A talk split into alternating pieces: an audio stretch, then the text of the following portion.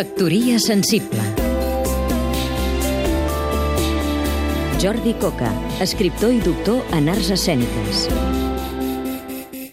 Al Teatre Goya Codorniu, i sota la direcció de Josep Maria Pou, podem veure novament el Zoo de Vidre, un dels textos de Tennessee Williams que sempre retornen als escenaris de tot el món.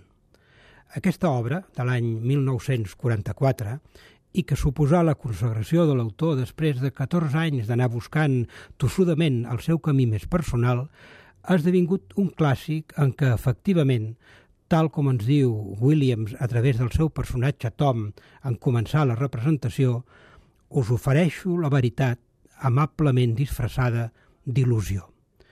La força de Tennessee Williams rau aquí, en aquesta capacitat de dir-nos la veritat més punyent disfressada de la il·lusió escènica.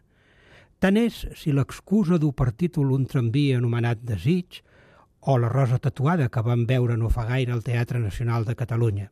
També podríem dir títols com ara De sobte el darrer estiu, Dolç ocells de joventut, La nit de la iguana.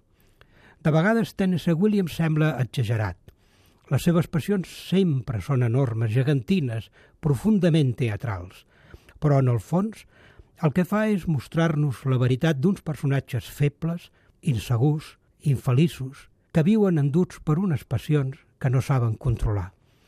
Ara, el Goya, amb actors i actrius tan impressionants com, per exemple, Daphnis Baldús, Miriam Iscla, Meritxell Calvo, Peter Vives, no s'ho perdin.